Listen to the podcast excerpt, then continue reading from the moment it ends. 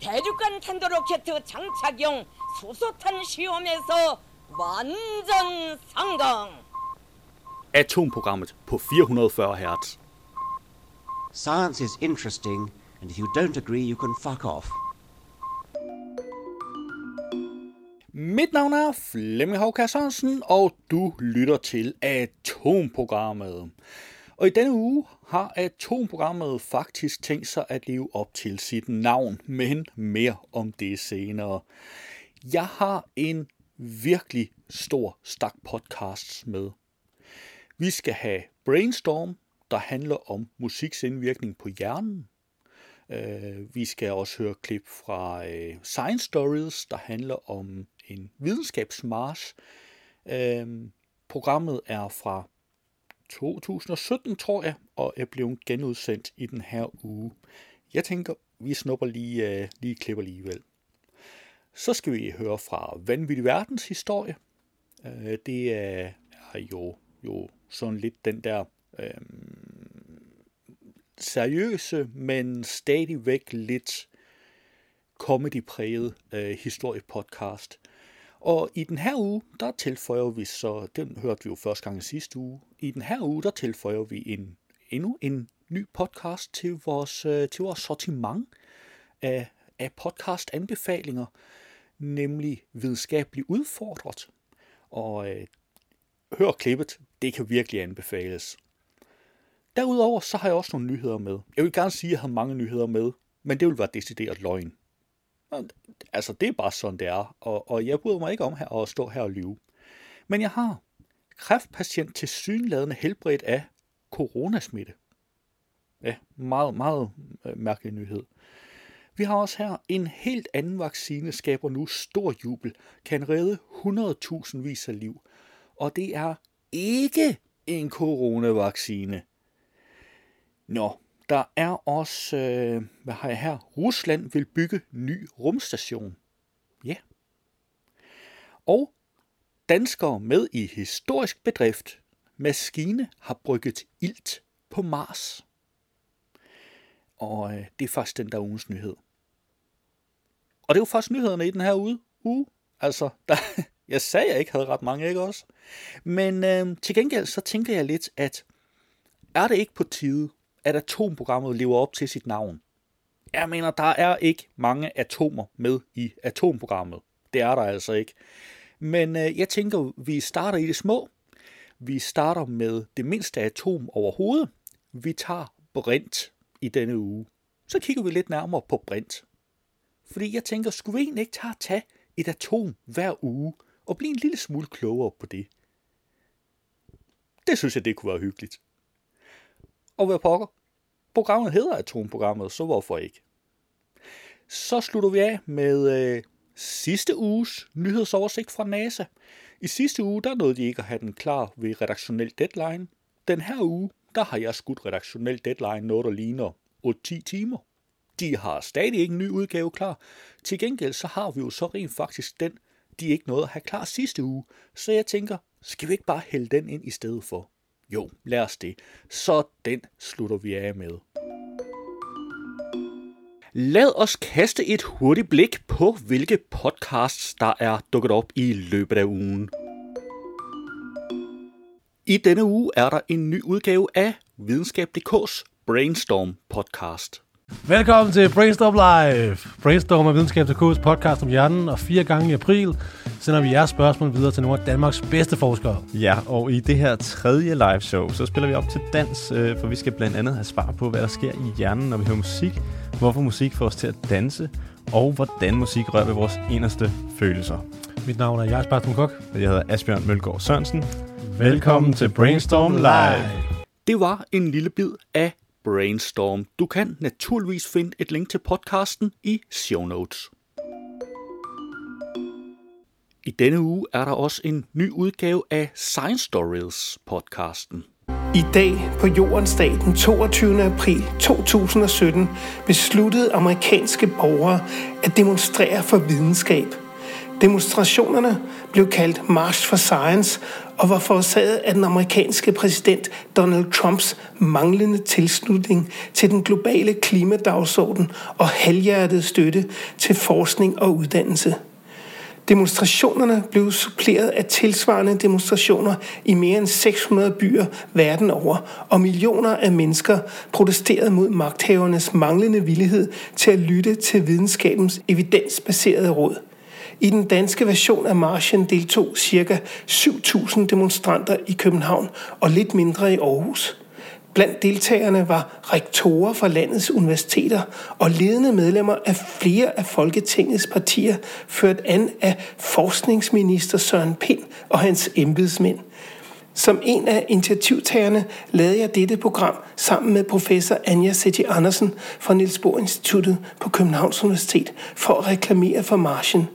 Udsendelsen giver et godt bud på, hvorfor der er brug for viden i samfundet, og hvorfor vi alle sammen bør deltage aktivt i at opsøge og kræve mere viden, så vi kan deltage i den demokratiske proces.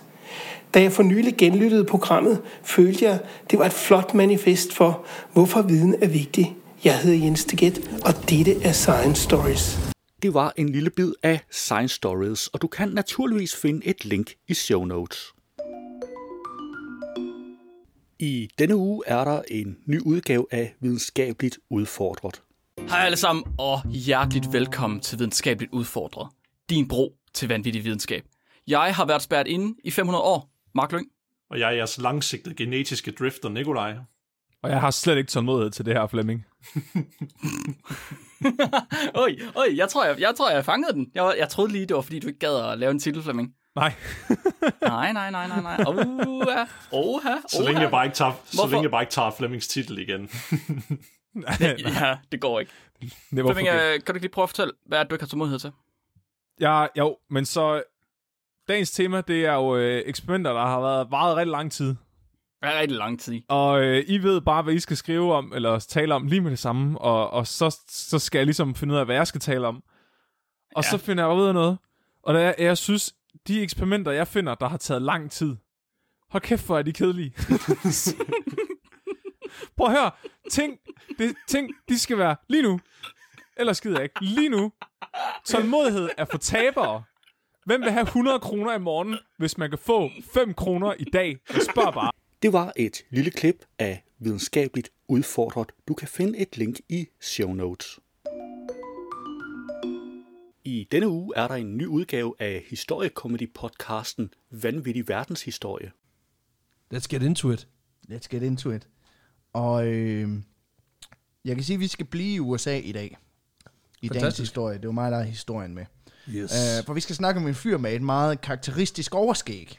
Der er ikke lige frem brudt sig specielt meget om, om jøder, som var gode venner med nazister, og som i løbet af 30'erne og 40'erne opbyggede et mægtigt imperium, der kom til at dominere det meste af verden. Charlie Chaplin.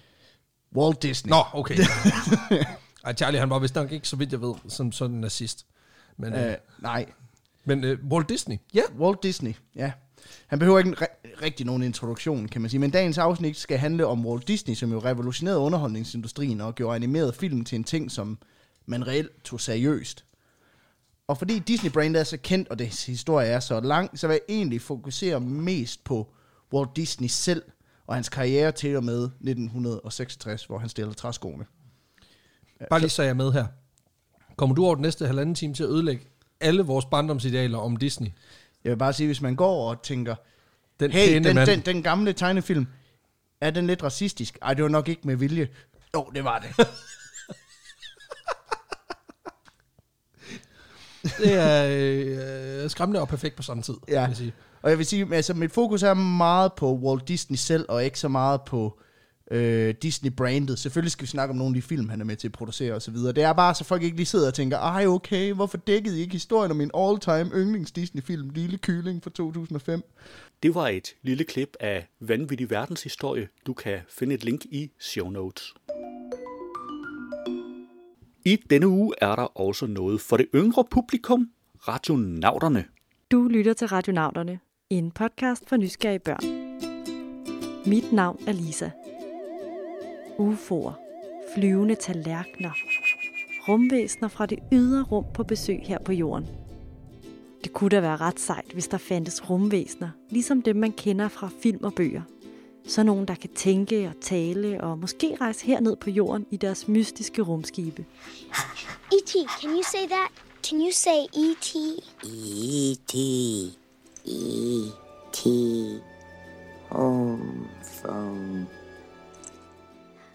Vi er nået til anden del af vores miniserie om liv i rummet. Og her skal vi altså på jagt efter UFO'er og efter liv i universet, som vi måske kan tale med. Det var en lille smagsprøve på Radionauterne, og du kan naturligvis finde et link i show notes. Det var et overblik over ugens podcasts.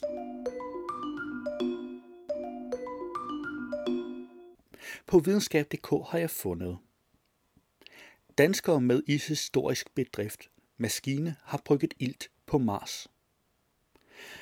Den ene historiske bedrift fra NASA's igangværende Mars-mission afløser den anden. For et par dage siden lykkedes det for første gang at få en helikopter i luften på planeten. Nu har missionen også produceret ilt på Mars. Ilt er helt afgørende, hvis astronauter i fremtiden skal kunne overleve på Mars og vende tilbage til Jorden. Det er virkelig stort og noget, vi har set frem til i mange år. Når vi kan producere ilt, åbner det mulighed for at sende en bemandet mission til Mars, siger Morten Bo Madsen, der er lektor i astrofysik og planetforskning på Niels Bohr Instituttet på Københavns Universitet. Det er lykkedes NASA at fremstille 5 gram ilt med maskinen MOXIE, som videnskab.dk har beskrevet i artiklen Danske forskere skal lave ilt på Mars. Morten Bo Madsen er ekspert i støv på Mars og har bidraget til udviklingen af MOXIE med viden om, hvordan støvet kan forstyrre maskinens finmekanik. I alt er tre danske forskere med på det 30 mand store hold, som har testet, udviklet og indsamlet data fra MOXIE. De to andre danske forskere er Christoffer R. Graves fra Danmarks Tekniske Universitet og speciale studerende Harald S. Ockels fra Niels Bohr Instituttet. Sidstnævnte, Harald S. Ockels, tog imod de første data fra iltproduktionen, som blev sendt ned på jorden omkring kl. 02.30 dansk tid den 20. april. Det er et teknologisk eksperiment, så det var en kæmpe lettelse for alle at se, at det virker. Moxie opfører sig præcis som den skal, siger Morten Bo Madsen. De 5 gram ilt Moxie har produceret, svarer til den ilt, en astronaut skal bruge for at overleve på Mars i 10 minutter. Der skal altså produceres meget mere, hvis planerne om en bemandet mission skal lykkes. Men fedusen er, at vi nu har vist, at det kan lade sig gøre, siger Morten Bo Madsen. Ilt er ikke kun nødvendigt for at overleve på Mars. Det er også en forudsætning for rejsen tilbage til Jorden. Hvis seks astronauter skal være 18 måneder på Mars, har de brug for 3 ton ilt for at overleve deroppe. Derudover er der brug for ca. 40 ton ilt for at kunne sende dem i kredsløb omkring Mars, når de skal tilbage til Jorden, forklarer Morten Bogmassen. Moxie laver ilt ved at omdanne kuldioxid, CO2, som den høster i Mars' atmosfære, til oxygen. Ilten skal bruges som hjælpestof til forbrændingen af brændstoffer i astronauternes fartøj. Vi skal teste MOXIE systematisk på forskellige tidspunkter i døgnet og på forskellige årstider. Vi har vist, at MOXIE virker om natten, hvor temperaturen er lav, siger Morten Bo Madsen. Men den skal også kunne køre om dagen og på andre tidspunkter af året. Atmosfæretrykket på Mars varierer meget med årstiderne, så vi skal finde ud af, hvordan MOXIE virker under forskellige omstændigheder, og hvordan den skal indstilles under forskellige atmosfæriske tryk, fortsætter han. Hvis MOXIE fungerer uanset årstid, er planen, at den skal laves i en større og mere kraftfuld udgave, der kan producere de 25 ton ilt, som er nødvendig for en bemandet mission med fire astronauter, skriver NASA i en pressemeddelelse.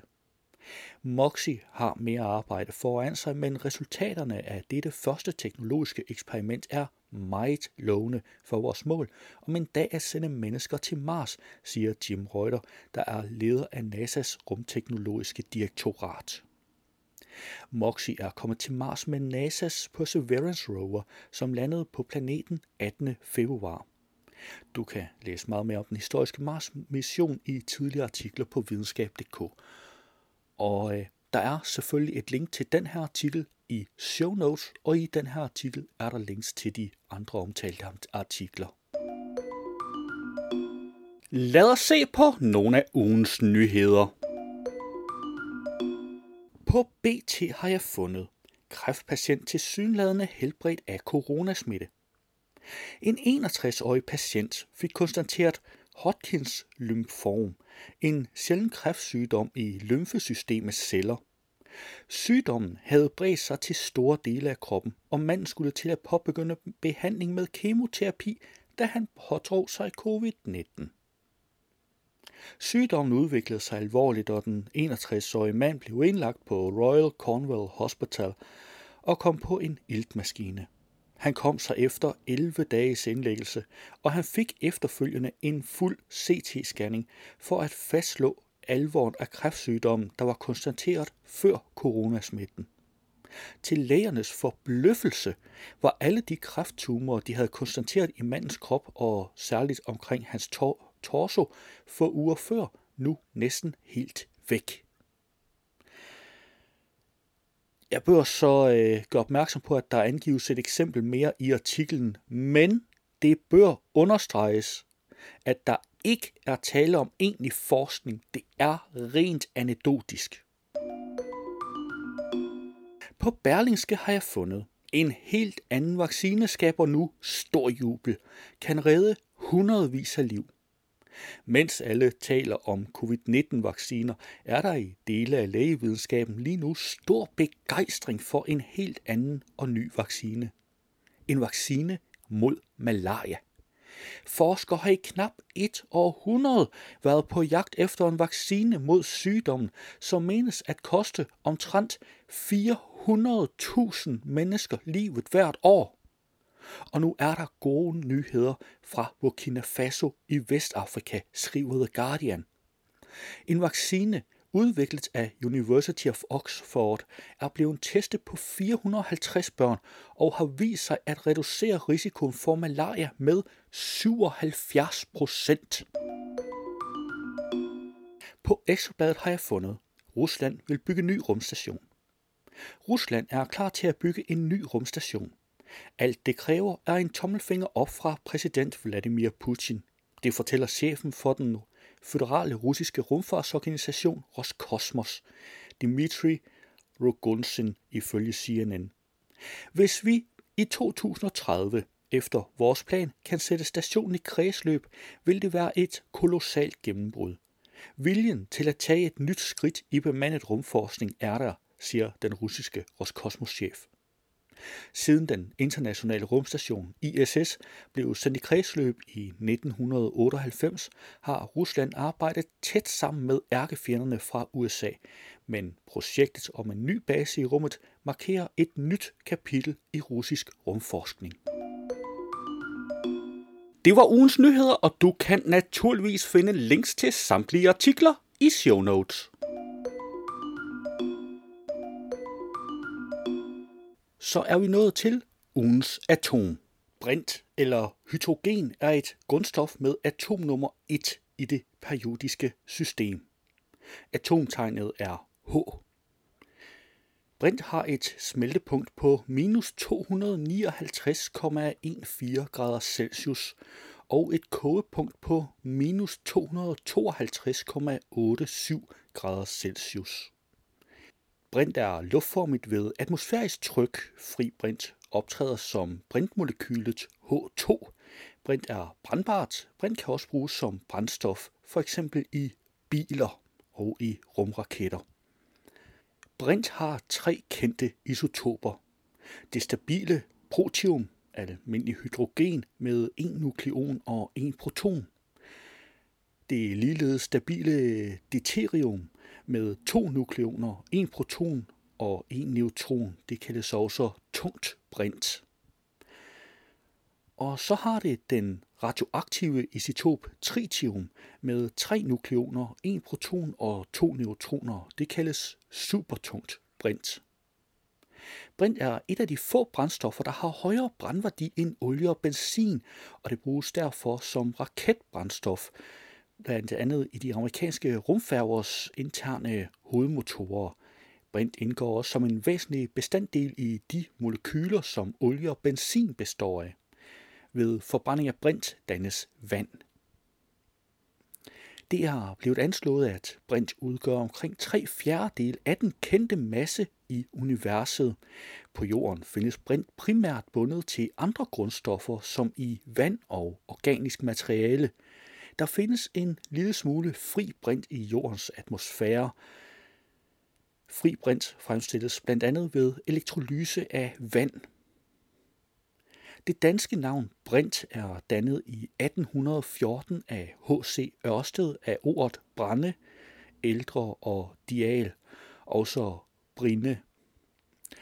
Tidligere blev det kaldet vandstof, der ligesom tysk Wasserstoff er en direkte oversættelse af det græsk-latinske hydrogenium.